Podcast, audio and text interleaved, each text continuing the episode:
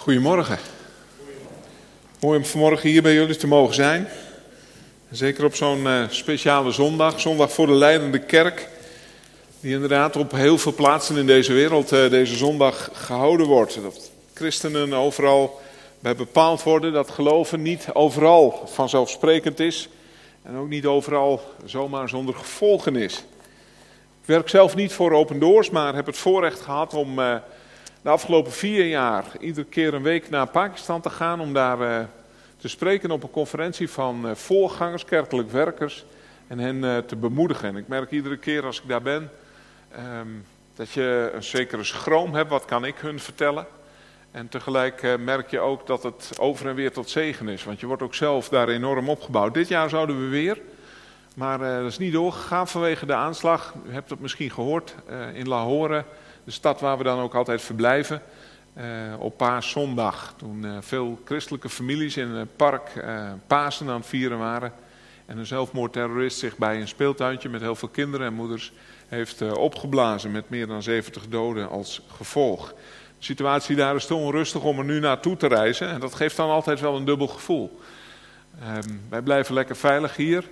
Uh, we kunnen daar niet naartoe. Het is beter om niet te gaan. Ze mogen ook niet samenkomen voor zo'n conferentie. Dus in die zin is de grond voor de reis dan ook weg.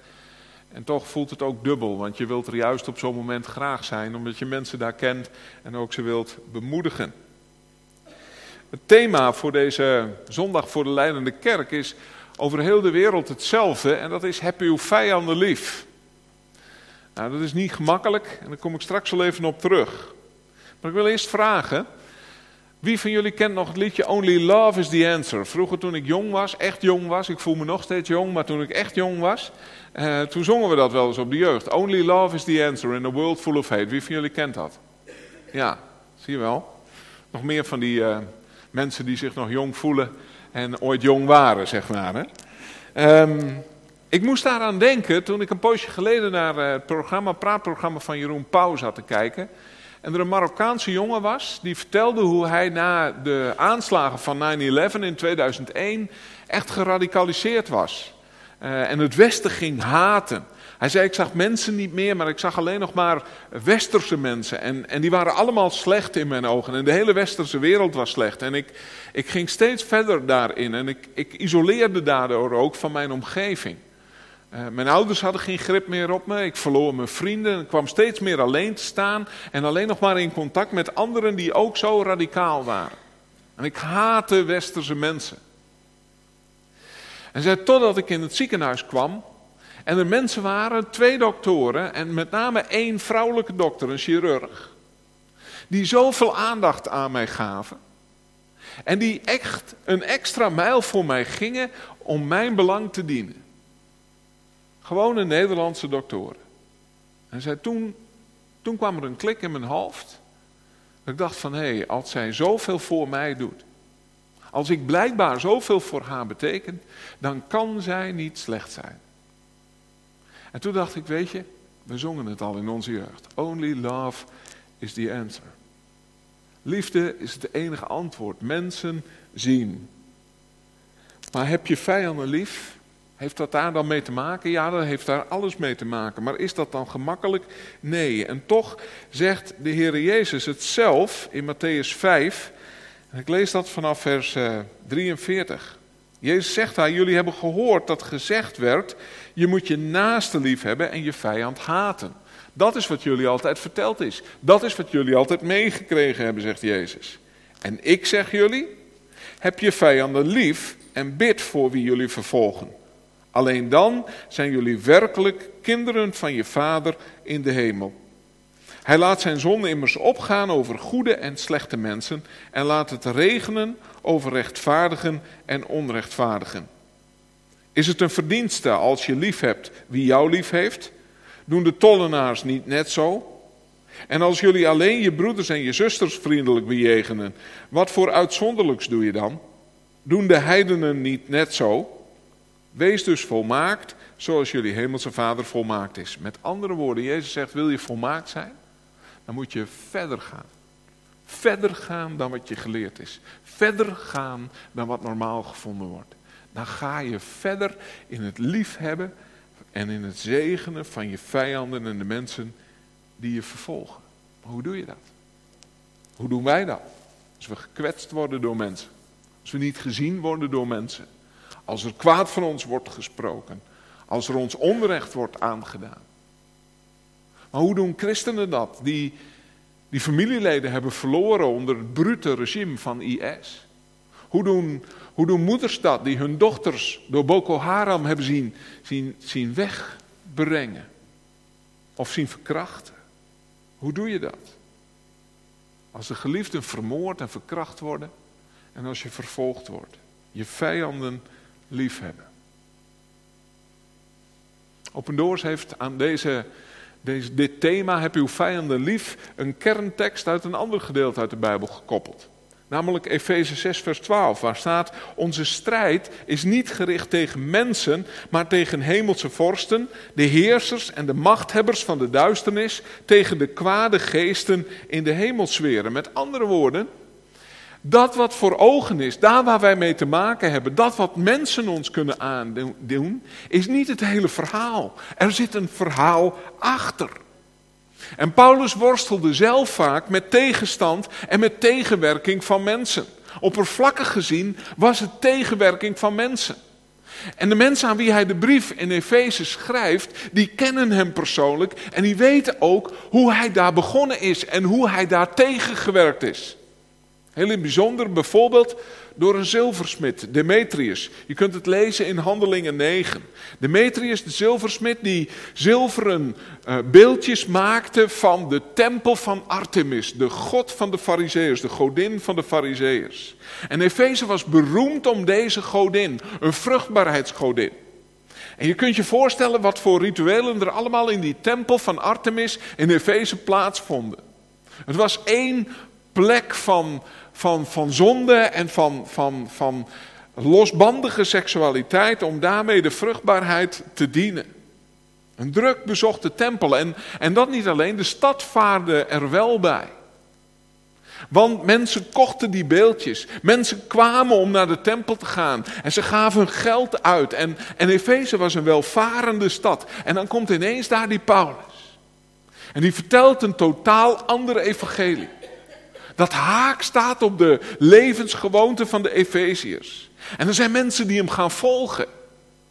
En Demetrius is een van de zilversmeden in de stad. En die denkt bij zichzelf: dit ga ik in mijn portemonnee voelen.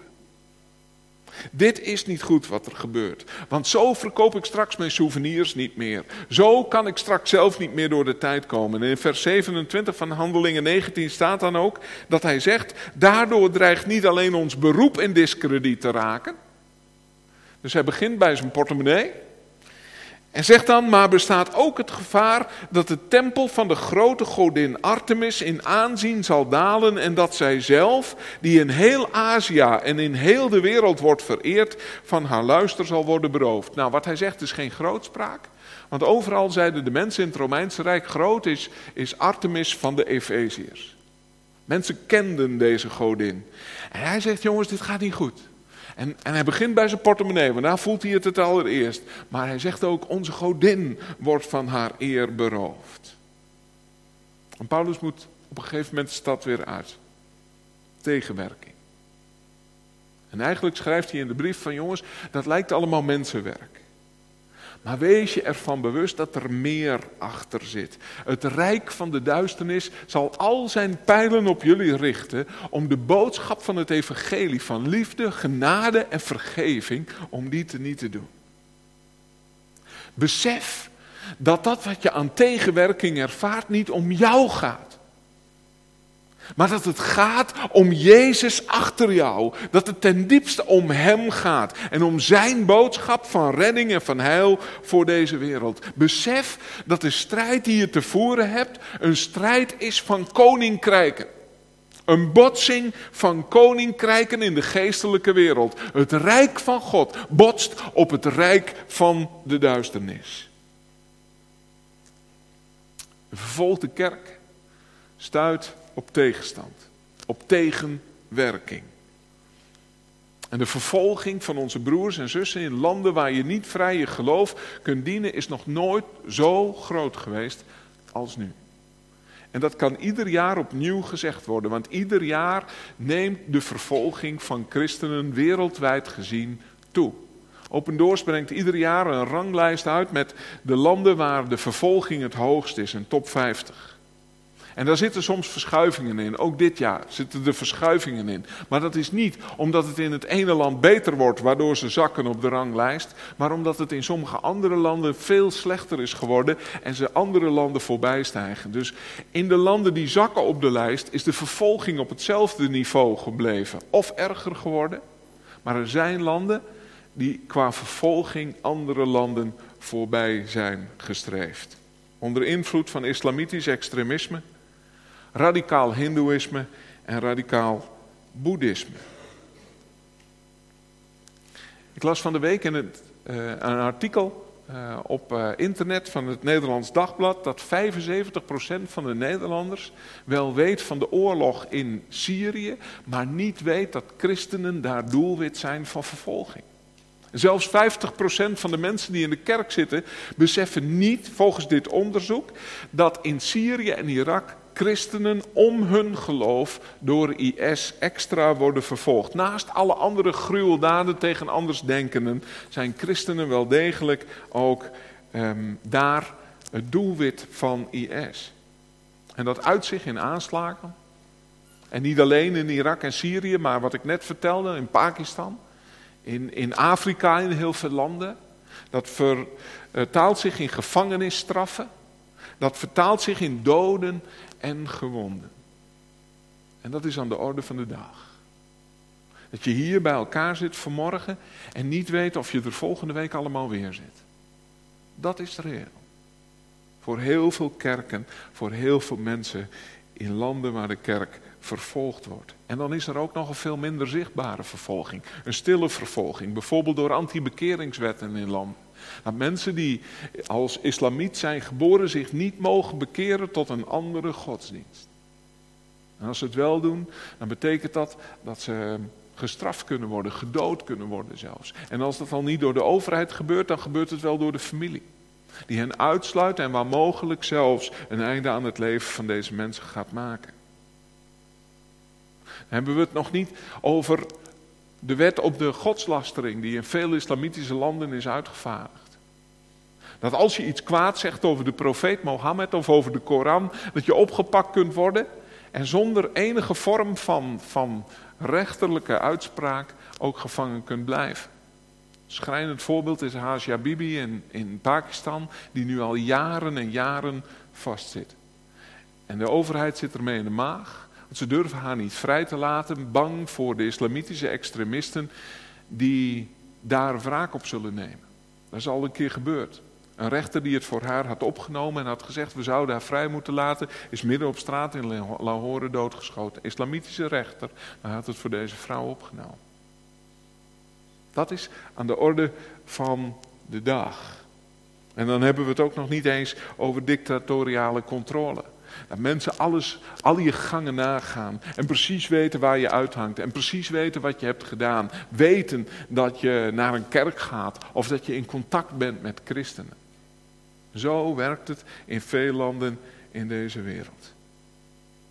En Paulus zou ook tegen ons vandaag zeggen: jongens, als je, als je dat met elkaar beleeft op zo'n zondag voor de leidende kerk, een zondag voor de vervolgde kerk, besef je dan dat het niet gaat om een strijd tegen de IS-strijders, dat het niet gaat om een strijd tegen de strijders van Boko Haram, dat het niet gaat om een strijd tegen Kim Jong-un in, in, in Noord-Korea, maar dat het de botsing van de koninkrijken van duisternis en van licht is. Het koninkrijk van God dat botst met het koninkrijk van Satan. Daar is dit een deel van.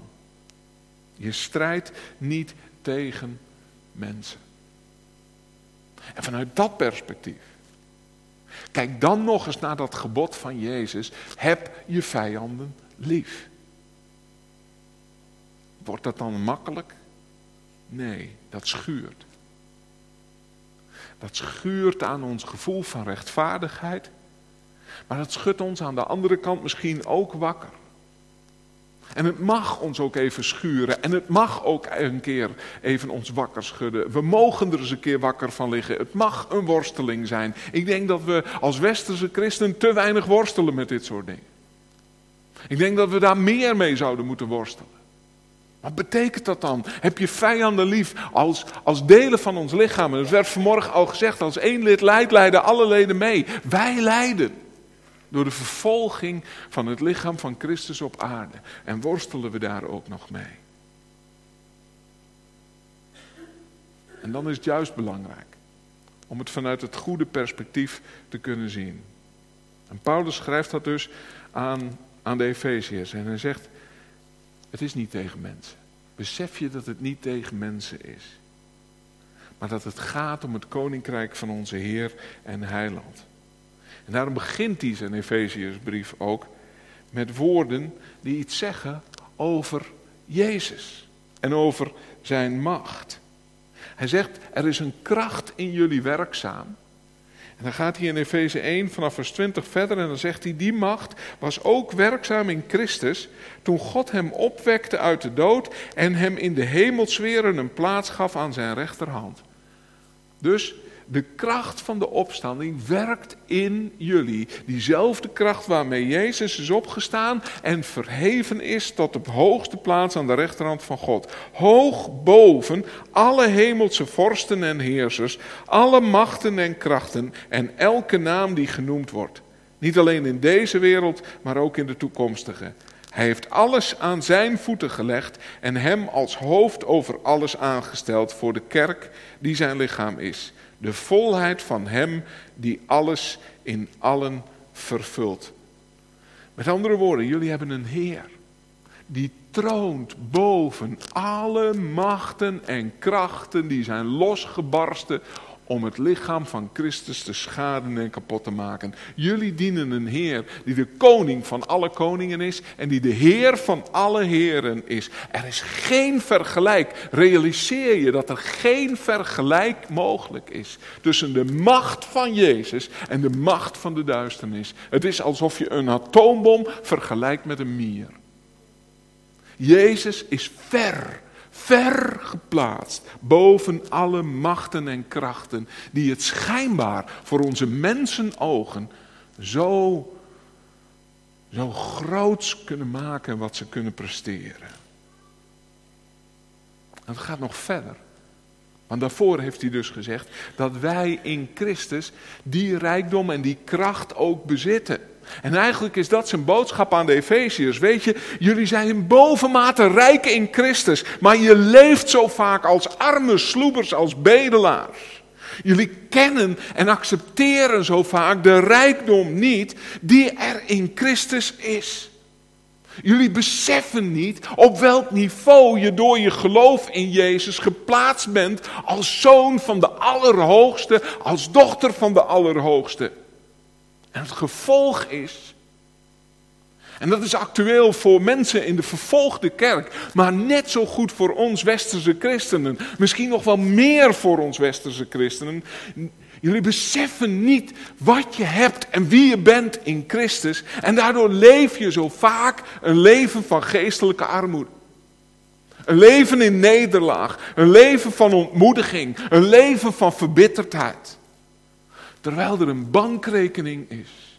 Een hemelse bankrekening waarop de aanneming tot zonen staat geschreven, tot dochter staat geschreven. De aanvaarding door een liefdevolle en genadige God. De verlossing van je zonden. De vergeving. De wijsheid van God die tot jouw beschikking staat. Het feit dat je erfgenaam bent. Dat God zegt, alles wat van mijn zoon Jezus is, is ook van jou. Het zegel van de Heilige Geest. Het leven in overvloed wat Jezus kwam brengen. De genade van de Vader. En een plaats in de hemelse gewesten. En nog veel, veel meer. Dat is allemaal jullie deel, schrijft Paulus aan de Efeziërs. En dat mogen ook wij ons vandaag de dag beseffen. Met andere woorden. Wij hebben alles tot onze beschikking om te leven tot de lof en de eer van onze koning. Die ver, ver, ver, boven elke macht verheven is. Die, die jou geeft dat je kunt wandelen in de bestemming die God voor je leven heeft. Fundeer hoe je met God wandelt. Fundeer hoe je met God leeft. Hoe je leeft met andere mensen in die geestelijke rijkdom die Jezus voor jullie heeft beschikbaar gemaakt. Met andere woorden zegt Paulus, check je info nog eens een keer. Ga er nog even na. Ga nog eens weer studeren op je informatie. Nou zijn wij een beetje lui als westerse mensen. Want zelfs als ik vanmorgen hier naar de Brouwer Singel rijd, dan denk ik van ja, al die straatjes, laat ik maar even de TomTom aandoen. Zelfs als ik naar mijn moeder in Burgum rijd, dan zet ik nog de TomTom aan. Terwijl ik natuurlijk die weg kan dromen. Nou moet ik heel eerlijk zeggen dat ik dat doe omdat ik dan denk, dan komt er een tijd te staan, verwachte aankomsttijd, en denk ah, ga ik vijf minuten afhalen. Herkenbaar? Ik denk dat sommige mannen dat wel herkennen. Met name mannen, denk ik. Ja, zo werkt dat. Maar we zijn een beetje lui geworden. We kunnen alles opzoeken. We hoeven, we hoeven niet meer echt te studeren. Vroeger als we op vakantie gingen met de kinderen toen ze klein waren. Dan had ik de kaart erbij en de afslagen en de, en de nummers van de wegen. Waar we langs moesten als we naar het buitenland gingen. En nu zetten we het gewoon in een tomtom en we rijden op de automatische piloot bijna die kant op. We zijn een beetje lui aan het worden. En in geestelijk opzicht kun je ook lui worden. Dat je niet meer de informatie iedere keer opnieuw tot je neemt. We hebben niet zozeer nodig dat we altijd maar weer nieuwe dingen horen. Hè? Dat, dat, dat is een beetje een verwend kindsyndroom dat we als Westerse kerk hebben. We moeten altijd weer nieuwe dingen en zo. We hebben vooral nodig dat dingen herhaald worden. Dat we dingen steeds weer opnieuw horen. Hoe rijk wij zijn in Christus. Zodat wij het goede perspectief blijven zien. Onze kracht ligt in Christus. Het leven is mij Christus, zegt Paulus elders, en het sterven is mij zelfs gewin. En hoeveel van ons zeggen hem dat na? We mogen leven vanuit het koninkrijksperspectief. Dit gaat niet om mensen. Hier staat meer op het spel. En als we moeten lijden, dan mag ons dat een eer zijn. Dat we mogen lijden in Jezus' naam. En dat we mogen volmaken wat er nog aan zijn lijden ontbrak. En we mogen daarin de standaard van het koninkrijk hoog houden. Waar ben je anders nog anders in dan ieder ander mens op aarde? Hoe ben je dan nog, jullie jaarthema, ambassadeur van het hoogste koninkrijk? Hoe hou je dan nog de normen van God hoog als je niet leeft vanuit dat perspectief van je geestelijke rijkdom? Hoe kun je dan nog leven? Tot de eer van je koning. Satan behaalt de overwinning als hij ons af kan houden van onze geestelijke rijkdom. Want dan leven wij een leven in de nederlaag. Ja, zeg je dat, dat klinkt mooi en je hebt ook wel gelijk, maar. Maar dat is niet altijd gemakkelijk. Ik vind dat niet altijd gemakkelijk, zegt u misschien. Ik vind het ook niet altijd gemakkelijk. Sterker nog, ik denk dat dat nooit gemakkelijk is. Maar je vijanden liefhebben, een van, die, een van die normen, een van die standaarden van het koninkrijk, wordt onmogelijk als jij erna gaat streven. Als jij gaat zeggen, ik zal mijn vijanden lief hebben. Nou, met die uitdrukking al, hè, ik zal mijn vijanden lief hebben, dan heb je ze al niet lief volgens mij. Als wij streven om aan de normen van het koninkrijk te voldoen, dan is er ergens een grens aan hoe ver dat kan gaan. Dan, dan stopt dat ergens. En toch geloof ik dat het mogelijk is. Vorig jaar, ergens aan het begin van het jaar, ik meen in februari, werden 21 Egyptische christenen meegenomen naar Libië en daar door IS op het strand onthoofd. En IS uh, uh, plaatste de video van de onthoofding van die 21 mannen op het internet. Misschien hebben jullie het gezien. Of iets van gezien, iets van meegekregen. In oranje overal. En ze knielden neer. Ik ken iemand die werkt bij Open Doors en die zei: Ik heb mezelf gedwongen de video helemaal uit te zien. Hij vertelde erbij dat elk van die 21 mannen op het laatste moment maar één naam op hun lippen hadden: Isa, Jezus. Terwijl, als ze misschien een andere naam hadden aangeroepen, nog gered hadden kunnen worden. Waarschijnlijk niet, maar Een laatste kans zou het misschien altijd geweest zijn.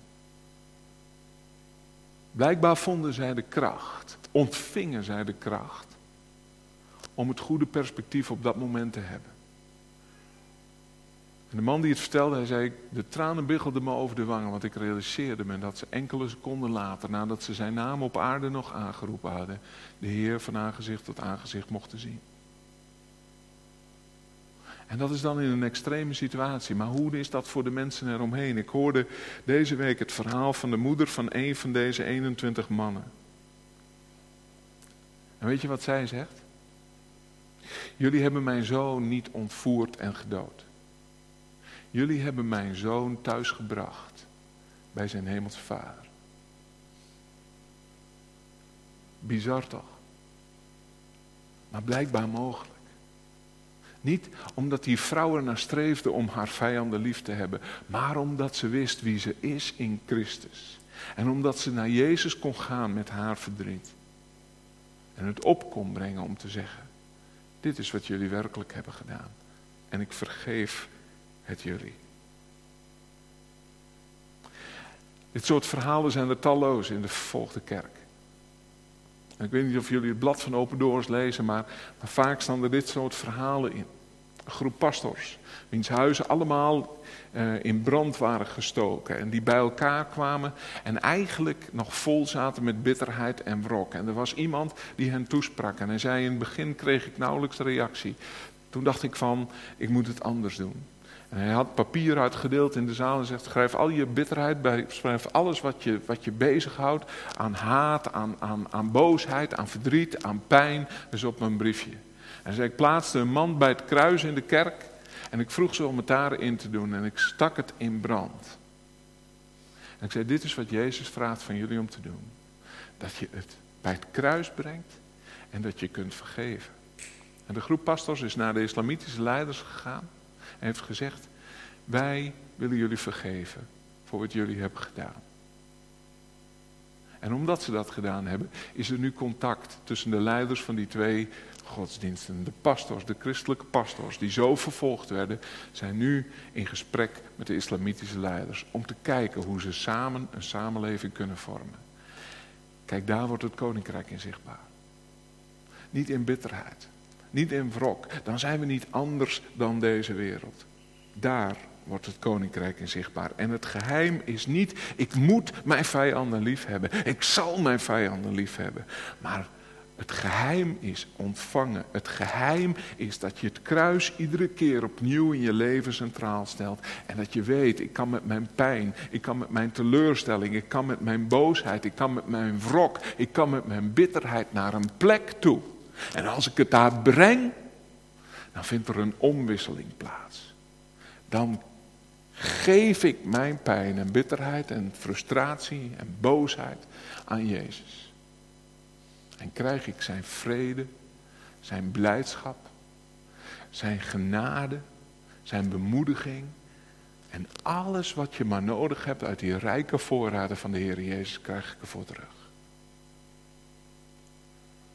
Alleen zo kunnen mensen in landen waar ze vervolgd worden het volhouden. Het kruis iedere keer centraal. En iedere keer opnieuw zoeken naar die omwisseling bij het kruis. U Heer, mijn pijn, dit is verschrikkelijk. Want mijn gezin is aangedaan. Mijn man en mijn kind. Ik las het verhaal van de moeder in Nigeria. Man en zoon vermoord omdat ze de naam van Jezus niet wilden verloochenen. En vervolgens de dochters meegenomen door Boko Haram om als seksslaven te dienen. Maar door trauma counseling is ze in staat om het te verwerken. En weet ze de geestelijke weg te gaan. En de mensen die haar begeleiden zeggen, er komt een dag dat ze vanuit haar hart kan vergeven. Omdat ze het kruis en de kracht van het kruis in haar leven kent. En dat is nooit goedkoop. En dat is nooit gemakkelijk. Maar het is ook nooit onmogelijk. En het is wel noodzakelijk om vrij te zijn en het leven van het koninkrijk ook te leven. Only love is the answer. En hoe doen wij dat? ik heel eerlijk naar mezelf kijk, wat ben ik vaak nog kleinzielig en, en gekwetst en boos en verdrietig. Ken ik die plek, die centrale plek van het kruisje? Natuurlijk ken ik die in mijn leven. En ik weet de weg ook altijd wel weer te vinden, maar soms kost het me moeite om die weg te vinden. Soms voelt het zoveel lekkerder om aan mijn gekwetstheid en mijn boosheid vast te houden. Omdat ik daarmee het idee heb dat er nog een stukje recht zal komen. Maar dat is niet het recht van het koninkrijk. Het recht van het koninkrijk zegt: heb je vijanden lief. Heb de mensen lief. Zelfs degene die jou gekwetst hebben. Liefde veranderde. En dat ging nog niet eens in een christelijke context. Het verhaal of de, het leven van die Marokkaanse jongen die zo geradicaliseerd was waar ik mee begon. En de grondlegger van Open Doors, Anne van der Bijl, zegt precies hetzelfde. Hij was degene die, ook al kwam het hem op kritiek van heel veel christenen in Nederland te staan, die naar de PLO reisde. Om contacten te leggen. Om te zeggen, ik wil er zijn voor jullie. Om te zeggen, ik wil je iets vertellen over de man die ik volg. Die naar Hamas reisde om daar precies hetzelfde te doen. Die in Pakistan naar de strengste Koranscholen ging. En daar een half uur sprak over de man van zijn boek, over Jezus. En met respect behandeld werd. Want hij zei, als ik ze omarm, kunnen ze me niet doodschieten. Only love is the answer. Zijn definitie van islam is: I sincerely love all Muslims. Ik hou oprecht van alle moslims, want ook zij hebben Jezus nodig. Hamas-strijders hebben Jezus nodig. IS-strijders hebben Jezus nodig. Boko Haram heeft Jezus nodig. Wat kunnen we dan doen? We kunnen gaan. We zouden kunnen gaan. Je zou kunnen overwegen om een keer een reis te maken. Een gebedsreis. Een reis om te bemoedigen de christenen in die landen. Maar het belangrijkste is, denk ik, wat we zelf kunnen doen, is leven vanuit het perspectief van het koninkrijk. Deel, beseffen dat je deel bent van een strijd van koninkrijken, maar dat onze koning zoveel groter en zoveel meer is en hoog verheven is boven alle machten en krachten. Heersen met hem. Dus leven met het kruis centraal. Dus leven volgens de normen van het koninkrijk. Omdat als wij zo leven, er in die grote geestelijke strijd die wij niet voor onze ogen zien, maar die heel reëel is. Omdat wij als wij zo leven, iedere keer terreinwinst boeken op de vijand. Dezelfde vijand als waar onze broers en zussen mee te maken hebben. En dat betekent dat jouw en mijn keuzes in hoe wij leven, in onze omstandigheden, invloed hebben op een geestelijke strijd die op wereldniveau gestreden wordt. Dat is het eerste zelf. Staan in de overwinning van Christus. Leven vanuit je rijkdom in Christus. Leven naar de normen, naar de standaard van het koninkrijk. Dat is de belangrijkste, denk ik. Maar we kunnen ook bidden. Bidden voor onze broers en zussen. Zoals we gedaan hebben met dat prachtige lied. Bidden om volharding, bidden om bemoediging, bidden om troost, bidden om vastberadenheid. En dat ook zij blijven leven en iedere keer de keuze maken om weer vanuit het kruis te leven, van het kruis van Jezus. Maar ook bidden voor onze vijanden. Bidden voor IS-strijders. Bidden voor al-Baghdadi, de leider van de IS. Bidden voor Kim Jong-un, de dictator van Noord-Korea dat hun hart bereikt mag worden. Want ook zij zijn net zo goed onderdeel van een geestelijke strijd. En voorwerp van de strijd van de boze. En we kunnen geven. Geven voor het werk van bijvoorbeeld Open Doors. Die op zoveel plaatsen zulk fantastisch werk doet. Om christenen te helpen te leven vanuit wie ze zijn in Christus. Te leven vanuit zelfbewustzijn. Niet in een hoekje te kruipen, maar present te zijn in de samenleving, hoe gevaarlijk het ook is. En zich te laten zien te laten zien dat ze leven vanuit een kracht die groter is dan de kracht in deze wereld. Hij die in ons is, is groter dan die in de wereld is. Zullen we nog bidden? Lieve Vader in de hemel, ik wil u danken. Danken dat we zoveel mogen leren van de vervolgde kerk. Heer, voor hen is christen zijn niet gemakkelijk, maar ik denk dat dat wereldwijd zo is. Voor ons zijn er andere gevaren en bedreigingen dan voor hen. Voor hen is het heel reëel en fysiek. Voor ons is het vaak in uh, onze houding, in onze gemakzucht. Heer, in, uh, in verleidingen die er zijn in onze samenleving. Heer, we mogen leven vanuit wie we zijn in Christus. We mogen leven vanuit het kruis. Mogen leven vanuit de rijkdom die we in Hem hebben. En van daaruit ook aan de normen van, van het koninkrijk voldoen. Ontvangen de kracht om, om zo te leven. Niet er zelf naar streven, Heer, want we weten maar al te goed dat we dan min of, ja, vroeg of laat ergens op een grens stuiten en dat we het niet meer kunnen. Maar iedere keer mogen we het ontvangen bij het kruis. En dat is voor onze vervolgde broers en zussen belangrijk, maar dat is voor ons net zo belangrijk. En we mogen beseffen dat we deel uitmaken van een grotere strijd. Die boven onze hoofden zich afspeelt. Een geestelijke strijd tussen uw koninkrijk en het koninkrijk van de duisternis. Dat zichzelf opblaast en groot probeert te maken, maar in macht en kracht niet te vergelijken is met u, Jezus.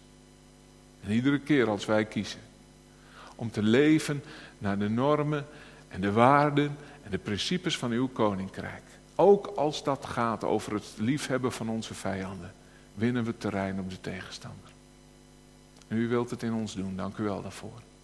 Uw geest woont in ons. En Heer, zo willen we ons toewijden. Aan uw koninkrijk, zo willen we ons toewijden aan elkaar als broers en zussen in deze plaatselijke gemeente. Zo willen we ons ook toewijden aan onze broers en zussen in uw lichaam wereldwijd. En wij kunnen er wat. Wij kunnen iets doen. Heer, help ons te overdenken en te geven. Dat we het met een blij hart mogen doen. Heer, zegen ons daarin ook. In de machtige naam van Jezus. Amen.